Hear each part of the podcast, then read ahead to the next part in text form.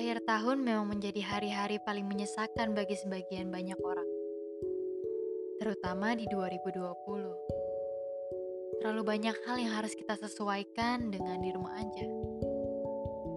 Banyak yang belum dicapai, mungkin belum bertemu dengan orang yang disayang, belum mendapatkan nilai yang memuaskan, banyak pekerjaan yang belum selesai, tidak mengikuti wisuda di tahun ini, banyak berita kehilangan, banyak cerita yang belum sempat tersampaikan, dan banyak mimpi yang masih menjadi angan.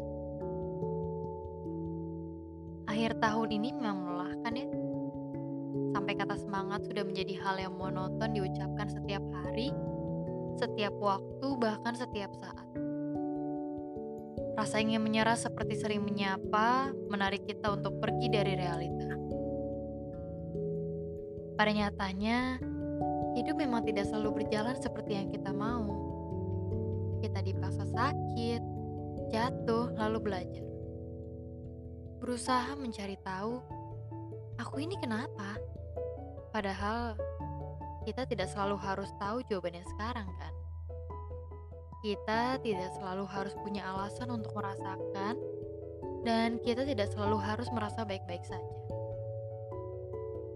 Untuk para pejuang di tahun ini, sabar ya. Nggak selalu harus kuat kok. Tetap melangkah, jangan pernah menyerah.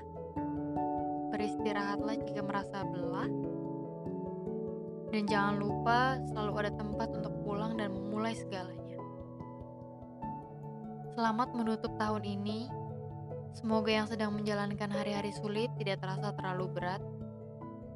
Untuk yang merasakan sakit, entah itu luka lama atau luka baru, jangan pernah merasa sendiri ya. Semoga menemukan jalannya sendiri untuk sembuh dari lukanya.